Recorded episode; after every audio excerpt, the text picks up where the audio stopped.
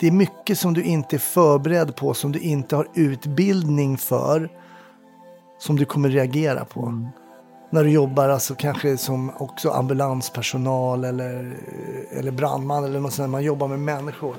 Så är inte det här det klassiska liksom eh, filmprylen liksom. Utan det är de här händelserna när du kommer hem och bara fuck vad hände liksom. Varför är det så här? Och varför är livet så jävla orättvist?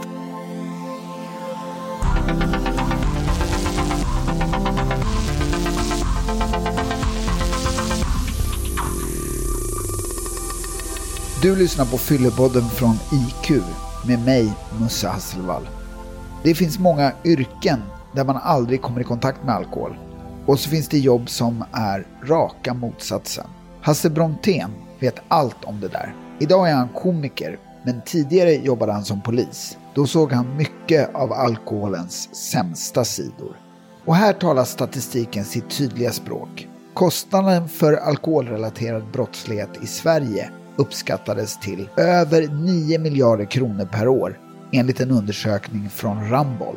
Och förra året visade en annan undersökning från Kantar, Sifo, att mer än var fjärde blåljuspersonal det senaste året utsatts för våld av någon som druckit alkohol. Där framkom också att 97% av blåljuspersonalen, nästan alla alltså, menar att alkohol spelar en stor roll när det gäller våld i krogmiljö. Vi vet också att den vanligaste typen av misshandel som sker utanför hemmet är alkoholrelaterad. Som polis tvingades Hasse Brontén ofta hantera det här. Han fick köra hem fulla ungdomar till föräldrar som inte brydde sig, åka på larm efter slagsmål i krogköer och gripa en höggravid kvinna som druckit så mycket att hon knappt kunde stå på benen.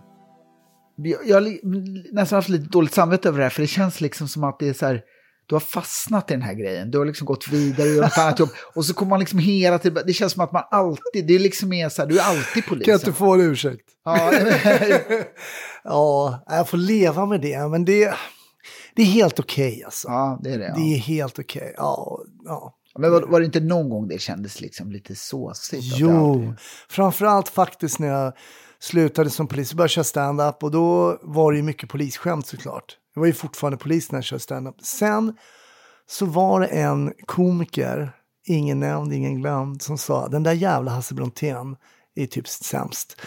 Eh, om han stryker sina polisskämt, då kommer han vara en nobody. Han kommer inte få någon att garva typ. och när jag hörde det, då strök jag alla. Ja, från alla. en gång till en annan? Ja, typ. Ja, ja mer eller mindre. Ja. Strök jag alla. Och satt, jag satte upp en show där på Gröna Lundsteatern, drog alla dem, filmade det av det och sen strök alla mina polisskämt. Och sen så lyckades jag försörja mig som komiker ändå. Så den komikern hade fel i alla fall. Fan vad skönt. Nej, men jag, jag, tänker, jag tänker bara att det är så lätt att man fastnar i en sån här grej. Liksom. Att det är bara så här, ja, kan jag bara slippa prata om det? Men nu, det känns liksom också med att du har din egen podd. Ja. Att det är liksom som att du bara, jag har gett upp på det här. ja, lika bra att starta en snut-podd, en snut.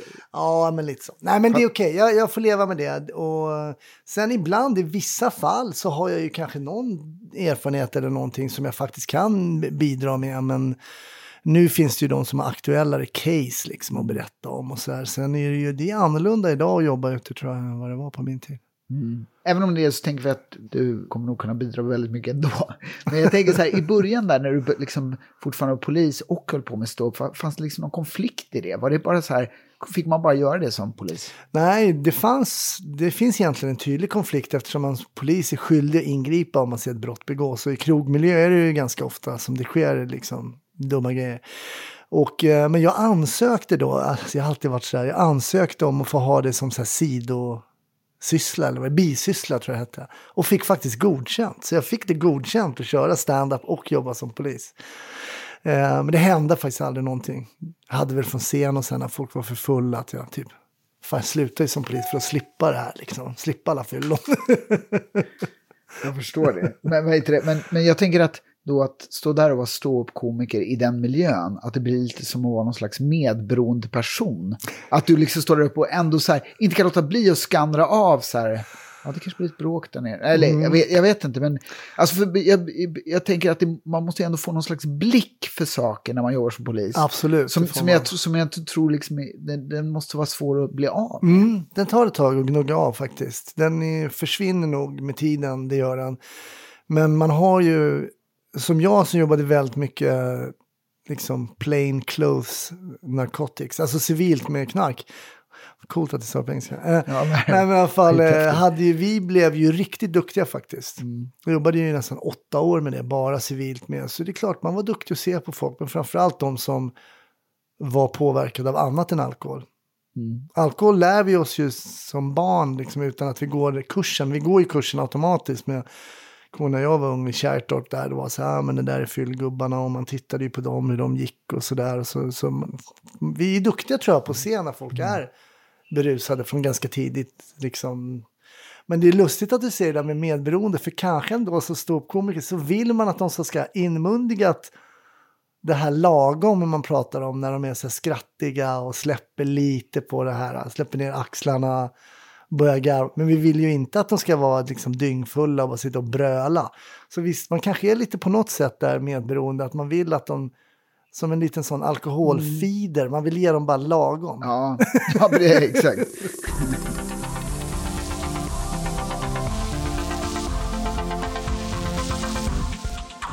Hur vanligt är det då liksom polisyrket att i sin yrkesroll ha blivit utsatta för våld? Ja, men det var ju när man, alltså man jobbar på ordningen. Jag jobbade ju på Norrmalmspolisen på ordningen och det var ju, det var ju, eller det är ju ett polisdistrikt där inte där inte så jävla många bor liksom, i hela området, utan många kommer in och ska festa. Mm.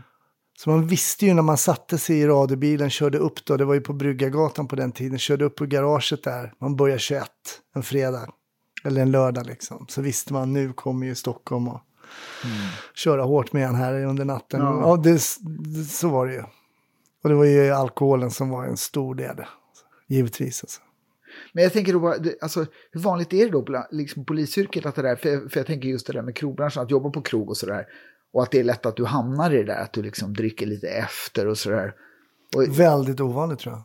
I, det är klart att det fanns ja. poliser som, och det finns säkert som är alkoholister och som mm. inte bara är det. det är, jag hade ju en gäst i min podd Snutsnack, hon som är chefen för den här avdelningen för särskilda utredningar, alltså mm. internutredningar ja, men du vet, unga poliser som eh, narkotikaberoende som typ säljer för att finansiera sitt missbruk. Det finns ju liksom ett spektra av allt. Eh, mm.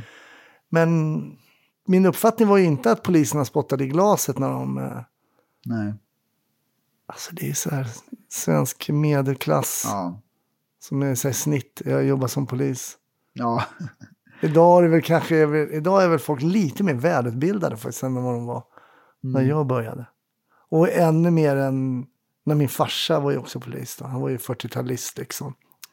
De var ju livrädda för oss som kom som hade typ varit, vet, vi hade rest lite runt jorden och varit i Australien och någon hade sett någon som hade liksom rökt på på dagen och sen ändå kunde surfa dagen efter liksom. Mm. Min, min känsla är att liksom alla poliser har någon slags värsta historia av vad det är. Och jag, jag, tycker, jag tycker, alltså det värsta man har sett som man tycker varit liksom mest obehagligt. Eh, och jag tycker, det, det, av någon anledning brukar det aldrig vara det man tänker att det ska vara. Nej. Men har du någon sån liksom just alkoholrelaterad? Jo, nej, men jag har nog flera sådana här. Dels har man ju många sådana här, de här kavajfyllorna liksom som kommer ut och blir stökiga. En del blir ju lite kaxiga när man får i sig lite under västen och sådär. Och det är ju, ibland inte alltid de man tror att det är de mest kriminella som är en del kriminella som, man, som är yrkeskriminella, man griper dem och säger men nu är jag gripen. Nu är det som det är liksom. Men det är inte alla som, någon mellanchef som kommer ut och ska eh, trycka i sig lite shots och så kan ju bli riktigt mopsig. Men det jag tänker på spontant faktiskt, det var vi fick en, eh, jobba på, eh, på Norrmalmspolisen, fick då var det så här, fylla på Hötorget var det.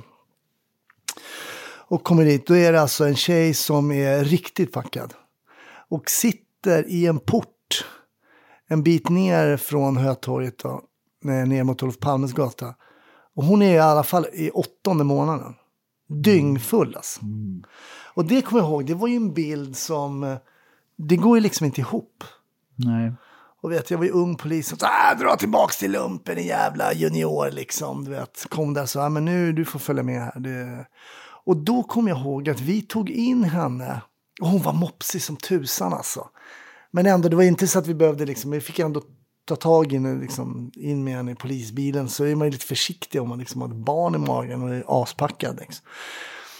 Och då hade vi väldigt nära in till stationen. Var så här, ska vi köra till stationen, ska vi köra till sjukan liksom. Äh, vi, kör, vi ser vad vakthavande säger. Så vi körde in då till station, kom upp där och så kommer vakthavande och säger ah, ah, hon är ju riktigt full. Det, var ingen, det rådde liksom inget tvivel om det. Och vakthavande bara, lägg in! Ja, ah, men hon är ju höggravid. Ska vi? Äh, graviditet är ingen sjukdom. Lägg in. Så vi la in henne. Och det var lite så här, man kände så här, ska vi verkligen lägga in henne? Mm. Mm så, hon kanske ska föda. hon var, mm. det var så riktigt, ja. riktigt höggravid. Det är en sån bild som sitter kvar fortfarande faktiskt. Vad var liksom känslan med den här kvinnan sen? Vad, fick, du, fick du någon uppfattning om vad, vad hon var och vad, liksom, varför mm, hände det, det där? Som, det känslan som man fick också var att hon var väldigt aggressiv, i alla fall verbalt. Liksom. Mm. Jag tror att hon skämdes oerhört. Mm. Hon var liksom påkommen och kanske hade hon, alltså jag fabulerar ju bara nu, men så här, men jag kan smaka, smaka ett halvt vin eller något mm. sånt där. Så vet man inte vad hon hade för bakgrund när det gällde alkohol, men jag tror hon skämdes oerhört alltså. Det var ju Just så tydligt. Menar du att liksom. aggressiviteten kom från det då? Någon hennes form. skam? Ja. Alltså det är, bara, det, är, mm. det, det, är bara en tanke jag har. Mm. Att hon var liksom påkommen. Mm. Liksom en bulimi, någon som har bulimi som man kommer på och står och spyr liksom. Mm. Eller något ja. sånt där. Liksom ja. verkligen den här totalskammen liksom. Och mitt på Hötorget, liksom föras mm. in i en polisbil, höggravid. Någon man känner, hon kanske bor i närheten, vad vet jag. Mm. Nej, det, var nog, det var nog jobbigt för henne och vi tänkte på det mycket också. Mm. Men hur är det då, liksom, pratar ni någonting om det efteråt då? Mm. Oftast så på min tid när man körde, det var inte så mycket så här att ah, nu måste ni sätta er ner. En sån här grej var inte att, utan det, man pratar av sig i bilen, fan kan det här hända? Och, ja. Eh, man kör liksom feedback direkt. Och det, det funkar ganska bra tror jag. Mm. Ja. För de flesta är ju vettiga och vill snacka, men en del, man har ju åkt med en del alltså, som man bara, du vet, de vägrar ju snacka. Och jag som är som snackpåse, vet, de måste ju mm. hata att åka med mig. Ja. Nej, men det blir superjobbigt alltså när det krasch, kraschar sådär. Så det gäller ju att man måste tajma in lite med folk som matchar lite grann. Mm. Det som förvånar mig det är att alltid när man pratar just med poliser just frågar de här värsta historierna, grejerna, mm. då är det alltid någonting, alltså man förväntar sig alltid att det ska vara någon mm. jakt. Mm. eller, du vet, så här, mm. eller du vet, eller att det ska vara något så här extremt övervåld eller någonting. Men man får alltid höra den här typen av så här, super, det är ofta kvinnor eller barn inblandade. Mm. Det är en intressant iakttagelse som du gör där tror jag, för att det är nog precis det som jag upplevt. Det är sällan att så här, vi jagade någon och så grep, utan det är väldigt egentligen så medmänskliga situationer. Och så här, äh, händelser som sitter kvar i minnet. Jag vet en bara berättade att han skulle lyfta en bår. Det var en liten flicka som var 11-12 år som hade fått hjärtstopp. Och han har lyft bår förut, man övar, man övar och lyfta bår. Men det var ju som att lyfta bomull. Han tog vid hennes fötter och han kunde inte... Hans, han kan inte glömma det här att lyfta båren för att det var som att så att han bara liksom rös liksom. Det är inte meningen att jag ska lyfta den här båren med den här flickan som ska in i ambulans. Hon är så ung. Mm. Och det är sådana saker tror jag ibland som sätter sig hos um, poliser. Som, till exempel, intressant det här med alkoholgrejen. Vi har ingen utbildning då på den tiden i alla fall. Jag tror inte man har att man har så utbildning i alkoholpåverkan, eh, liksom, hur det är, hur giftet funkar eller liksom sådär. Men man går in på ganska mycket så här, opiater, du får små pupiller, du blir mm. så, du blir så. Mm. Det, är så här, det är som där, det här ska ni kunna liksom mm. ungefär. Men jag, jag, tror precis att det är som du, som du säger, Mats, att det är, det är mycket som du inte är förberedd på, som du inte har utbildning för, som du kommer reagera på. Mm när du jobbar alltså kanske som också ambulanspersonal eller, eller brandman eller något sånt, man jobbar med människor. Så är inte det här det klassiska liksom eh, filmprylen liksom, utan det är de här händelserna när du kommer hem och bara fuck vad hände liksom? Varför är det så här? Och mm. varför är livet så jävla orättvist? Och, Sen har jag varit med om alla de här klassiska, folk som börjar veva och folk som är fulla. Men jag har faktiskt själv gjort ett dåligt ingripande på fyllan. Det är ju så här, ska vi egentligen inte berätta, men, men det var, jag hade varit ute och jag var, jag hade varit ute och skulle ta en taxi, kommer liksom på Vasagatan, då står en ganska ung kille och liksom sprayar han står och taggar liksom järnet på något ställe där. Och jag, kommer, jag, jag, är inte packad men jag är inte nykter. Jag vet om att jag inte är nykter. Jag känner att jag, här, jag är på väg hem och jag, jag, är lite full absolut. Men så står han där. Så jag bara, vad håller du på med? Nej men dra åt helvete din jävla tönt, sa han till mig. Så jag drar upp min polislägg där då och ska ju liksom gripa honom då för skadegörelse. Det blir värsta slagsmålet mellan han och mig. Det är bara han och jag, liksom, mitt i natten.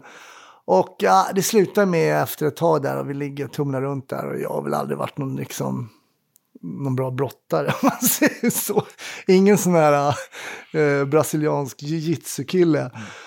Det slutar med att han drar iväg och han har sprayburkarna far iväg. Jag skrapar upp armen, min klocka pajar. så jag bara satte mig i en sån här taxi och åkte hem skämdes. Ja. det finns alltså, ju många så ja. exempel på polis och det där var väl ett sånt så här. Ska inte ingripa om man är det, det, var, det var dumt liksom. Jag kunde ramla ut i trafiken. Mm. Men samtidigt, ingen gör något. Folk står och liksom mitt i stan och bara... Men jag gjorde en del omdömeslösa ingripanden även som polisen var helt nykter. Så det, kan, ja, okay, det, kan, ja. det ja, kanske ligger i mitt sinne på något sätt. Men, men jag har gjort sådana grejer ibland när jag varit själv som var lite dumt. Så här, när det varit, ja, men det var ett dåligt beslut. Men det är ju preskriberat sedan länge.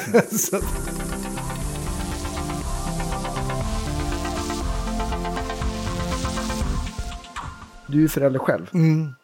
Inte nybliven, men... Jo, men ganska. Jag har ju kört lite, jag har haft lite gap emellan här. Jag har ju då en dotter som fyller 30 år och en dotter som fyller två i år. Så jag har 28 mm. år mellan mina döttrar. Då.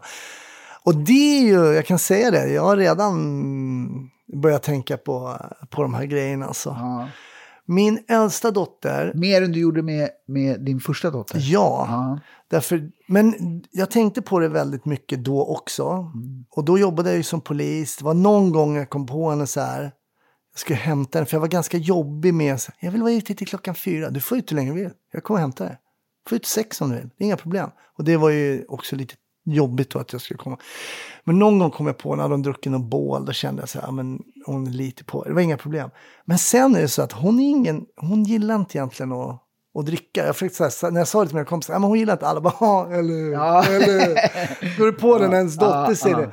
Men nu är hon 30 bast ja. eh, nu i juli och vi har pratat om det många gånger. Hon, hon är ingen större fan av att, att dricka alkohol. Så det har ju varit ganska skönt om man säger så. Men hur kommer det sig att du har tänkt mer på det nu då? Ja, men dels är det ett nytt klimat också. Med, man pratar med sina före detta kollegor. Det är ju kanske inte bara alkohol man tänker på då. Utan alla de här andra grejerna. Så vad händer när hon, om, när hon är 15, om så 13 år? Och jag har inte samma blick längre. Nej jag var, ju, jag var ju på tå för jag jobbar ju med de här sakerna. Jag var, mm. jobbade ju med folk som var påverkade av både alkohol och narkotika och allting. Och jag utbildade min äldsta dotter. Vet, vi gick på, på, du vet, på Ica och sa den här killen, han är här för att stjäla. Eh, han är mm. påverkad av eh, heroin. Och sen så stal han, gick han och stal och sen så stoppade jag honom längre fram och sen får du gå tillbaks. Det pratade min dotter om än idag. Kommer hur du visade mig vilka som var. Mm. så, ja, ja. Och det kommer jag nog inte kunna göra för min, uh, min yngsta. Då har jag tappat det här. I tillfällen när du har uh, liksom kommit hem till folk och sådär. Vad har du sett då i, i, i liksom vad, vad det gäller liksom alkohol och trasiga familjer? Och... Jag kommer, jag kommer att tänka på en grej. Det, för ibland så här, vad är konstigt och vad är ovanligt? Om man säger så här, ja, allting är ju relation till vad? Oftast är det i relation till ens egen uppväxt och till ens egen kanske upplevelse av föräldrar och sådär. Och hur man själv kan tänka sig som förälder i framtiden. Så det var en kille som vi körde hem full. Eh, där vakthavande sa, jag får köra hem honom. Liksom. Ja, så tänker man eh, kanske hans första fylla. Och farsan öppnar och bryr sig typ inte jag tänkte jag skulle ha ett samtal med farsan och säga vad vi, vad vi påträffade honom. Och kanske så här, vilka var han med? Mm. Eh, var det bra? Stängde dörren. Brydde, brydde sig typ inte. Sånt där, sånt där är ju jäkla märkligt alltså. Mm. Jag tänker, det fanns inget, noll engagemang. Vet, jag hade farsan, på min tid, då svarade, då fanns ju bara en telefon. Och då var ju liksom de som ringde och sökte mig var ju tvungna att gå via farsan eller morsan om de svarade. Det var ju så här dåtidens liksom, spamfilter liksom. Mm. Och vet, farsan kunde komma till mig och säga, han den där, honom ska jag inte umgås med. Bara, Va? Vadå, han är väl schysst? Nej, hör du vad jag säger? Det bara, han har pratat med honom lite i telefon. Han presenterade sig inte, han gjorde inte det, han sa inte det, han bla bla bla. Jag bara, okej. Okay. Ja, hade, hade så... farsan googlat på honom då eller? det fanns, fanns ingen sån. Han, Nej, han var stenhård liksom. Han bara hörde så här, han kan inte föra sig, han eh, presenterar sig inte när han ringer och när jag frågar om det och det var han så. så bara, sen kanske man umgicks med den här killen ändå då va, mm. men inte sällan så var ju farsan på rätt spår alltså. Ja. Och nu har vi inte de här filtren heller tycker jag. I och med Nej. att man direkt ringer till polare, smsar, vi ses. Det går aldrig via oss föräldrar. Nej. Och det gjorde ju min äldsta dotter, det gick det ju via. Så svarade man i telefon, jaha, så vem är det, vem är hon, jaha. Ja, sen har det kommit fram så här grejer, det är rätt intressant när de varit lite äldre. ja, men hon sov ju över, ja, men hon tvingade, jag ville inte att hon skulle sova över. Hon tvingade mig att hon skulle få sova över hos oss. Sådana grejer som man inte fattade. Nej. Sen har man pratat med, med dottern och varit äldre. Nej, för hon var så här mobbig och bara, ah, på, i helgen ska jag sova över hos dig. Så vågade hon inte säga nej. ah. Men jag tänker just på, på tal om det där mötet med, då måste det också bli så här att, alltså som polis då, det måste precis som att det här tillfället när du kommer hem med någon som verkar inte bry sig om att han kommer med, mm. med, med en full son. Det, det, måste ju liksom ha hänt åtskilliga gånger också att man känner så här, vill man verkligen släppa in nej, barnet nej, till? Nej, men visst alltså, det är lite så. Eh, alltså så, ångest över att lämna någon mm. där. Som, men vad ska man lämna? Alltså, Nej, jag vet. Skulle man åka direkt till socialen hade det blivit bättre. Nej, men förstår jag menar? Nej, och, det, och vem, liksom, vem är jag att bedöma på plats? Mm. Och det är ju föräldrarna som är vårdnadshavare. Så att det är skitsvårt alltså. Många gånger har man ju känt och någon gång skrev man väl också någon sån här typ orosanmälan mm. och sen saker. Men som du sa, feedbacken där är inte heller... Nej. Hur mycket polis är du fortfarande idag? Jag är ganska lite, men jag är ju lite av en snutromantiker är jag ju. Det måste mm. jag erkänna. Det, det, liksom, jag är ju lite det här once a cop, always a cop, lite ja. grann.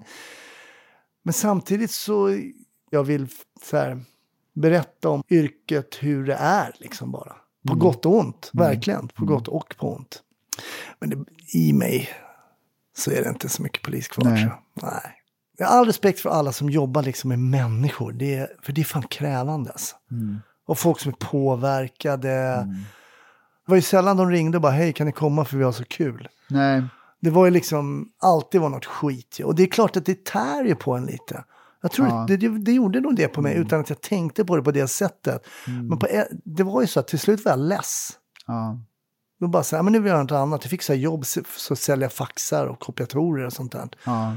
Men det tog jag för sig inte. Men jag var ledsen. Jag tror att polisyrket, i många sådana yrken, så kanske man ska skjuta ut sig tidigare så man inte blir cynisk liksom. Ja.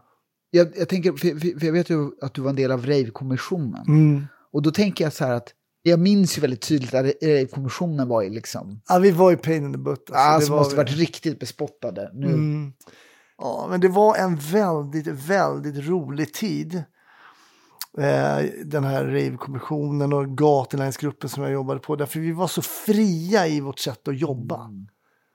Det var så här, bara ut och gör ett bra jobb. Och det gjorde vi. Mm. Eh, men visst, vi var ju partypoopers alltså. Mm. Du vet när de där um, aggregaten bara... Ah. Och så stängdes musiken ner. Bara, ah. Och så zoomade och bara frimärkspåsar överallt. Det var en kille som jag kommer ihåg faktiskt, det hette Mindscape. Hette eh, det, här. det var ett, ett rave på Annexet.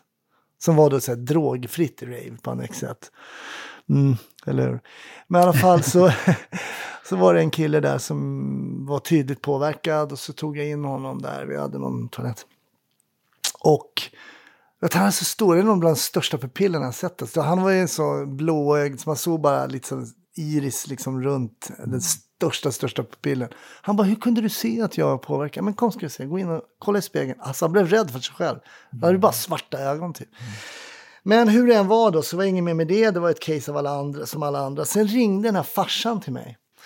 Och sa det att eh, de hade haft liksom aningar. Och eh, han var så jävla nöjd att vi hade gripit sonen då. Nu blev han lagtekniskt då inte gripen utan han blev medtagen för, för så här urinprov. Men, ehm, men då är det så här, tänker man, fan, så det kanske funkar. För lagstiftningen var ju så här att unga upptäcker dem tidigt och så där. Så när man varit med på de där så ställer man sig lite tveksam till, eh, till allt det där. Men jag, jag är inte insatt, jag är inte det. Nej. Jag är inte insatt faktiskt. Men det, det där är ju en skitfin historia, men den typen av feedback måste ju varit extremt ovanligt Extremt som polis. ovanligt, ja, det är skillnad från att stå komiker menar jag. Ja. Där är feedbacken lite annorlunda. Alltså, Men som ståuppkomiker var ju applåder innan du ens har sagt ett, för, ett ord. Bara Hasse Brontén. Bara lugna ner er. Det här kan bli er tråkigaste kväll någonsin.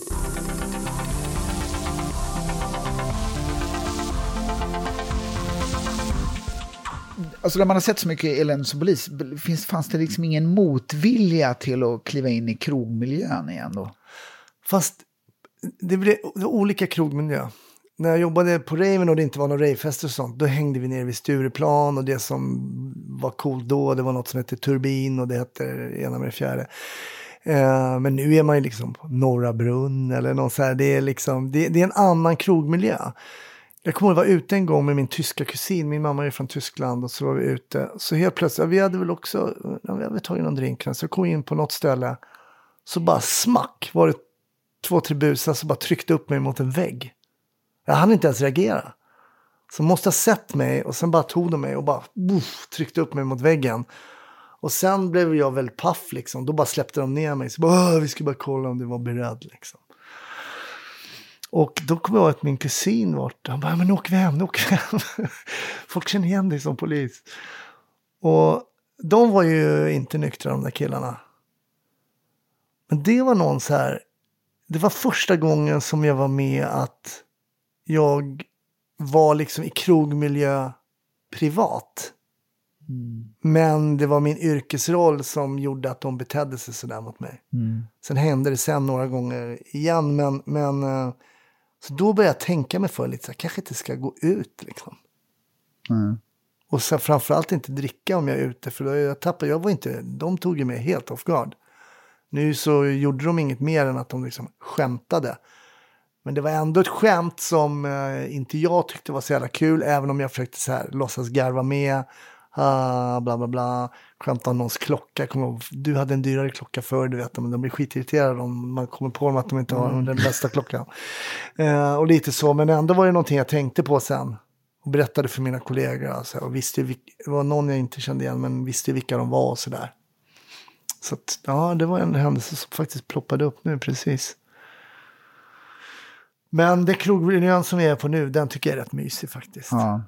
Den är, det är väldigt lite folk som kommer att trycka upp mig mot väggen. Bättre feedback Ja, på den här bättre, nya bättre, bättre feedback. Jag, Ja. jag ska stanna där. Om man jämför dig med mig så tror jag att det är mycket, du riskerar mycket mer den grejen utifrån att ha varit polis och att du är lång. Alltså som Kanske, lite, ja. det är ingen som har, fan jag slog den lilla dvärgen. Alltså det är ingen som, alltså, alltså även om, du vet, även om med ett kampsportsprogram i bakgrunden, folk gör, alltså det är ingen som så här, för att, för, för de tänker ändå så här, ja men jag är längre, jag tar honom. Ja, alltså jag det bara, jag skulle kunna ta det, ja. ja. Alltså jag har alltid hatat det här. När, vet jag var ju militärpolis i lumpen. Jag skulle inte bli, det var inte planen för mig att bli polis. Men, och då hade vi så självskydd, vet, när militärpolisen så här, Jag har alltid hatat det här självskyddet. Jag hatar alla de här greppövningarna, alla man ska slåss, de ska komma med gummiknivar. Jag tror det är därför jag har slagit så lite. Inte bara för att jag har varit verbal, men för att jag absolut inte... Jag, jag, jag, jag hatar att slåss. Alltså. Jag tycker det är så jävla jobbigt alltså. Sen är man ju tvungen ibland såklart när det blir så. Men jag tror också det har varit en driv för mig att inte komma till den punkten när jag måste liksom. Jag kommer ihåg, jag hade en kille i en bil en gång. Kriminell känner jag honom sedan tidigare. Eh, Snur, eh, de körde in, fick inte köra in med bilen. Men han satt på, förar, eller på passagerarplatsen. Min kollega tar ut föraren. Och han, på, han visar att han har lite narkotika på sig. Så säger jag till den killen, så här, ah, du får komma ut ur bilen. Han bara, eh, nej. Men så du, du får kliva ur bilen, jag ska visitera här. Över min döda kropp. Över min döda kropp att jag kliver ur den här bilen. Okej, okay, då har vi ett polisiärt problem. och han var ju stark och stor och allt sånt där. Men, eh, nej, men det tog lång tid. Men han klev ur utan, utan något våld överhuvudtaget. Så klev han ur. Eh, men det, är ju, det tär ju på en att liksom ha det här. Det skulle ju vara skönt att ha bara, bara två, tre piketpoliser som bara men, ta ut honom. Mm. Men när man står där själv, kollegan är upptagen. Mm. Då får man jobba med lite andra liksom, med grejer.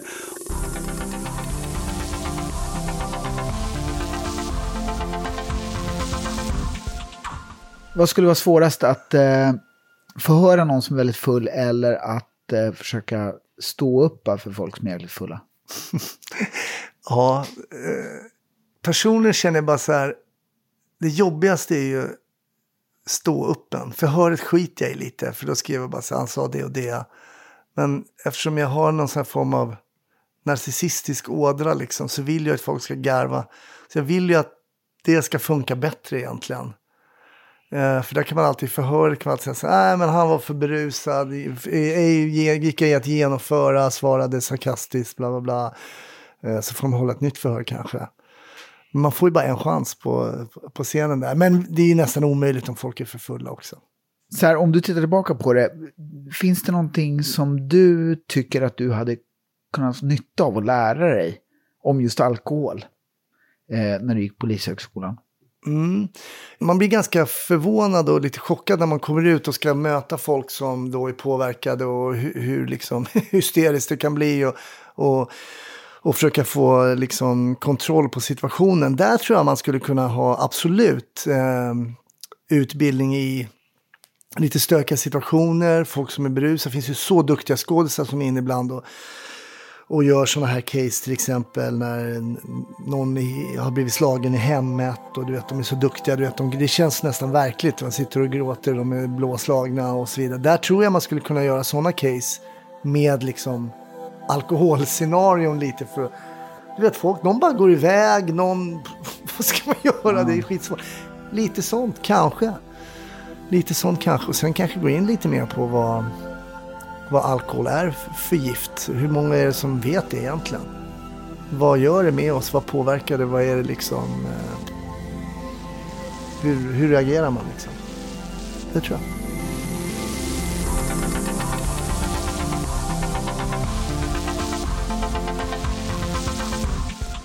Du har lyssnat på Fyllepodden med mig, Musse Hasselvall. Det här är en podd som görs på uppdrag av IQ som verkar för en smartare syn på alkohol. Glöm inte att prenumerera på podden. Skriv gärna en recension och ge ett betyg också. Det gör att fler hittar oss. Den här podden görs av Commercial Content och producent är Andreas Utterström och klipper gör Andreas Karlsson.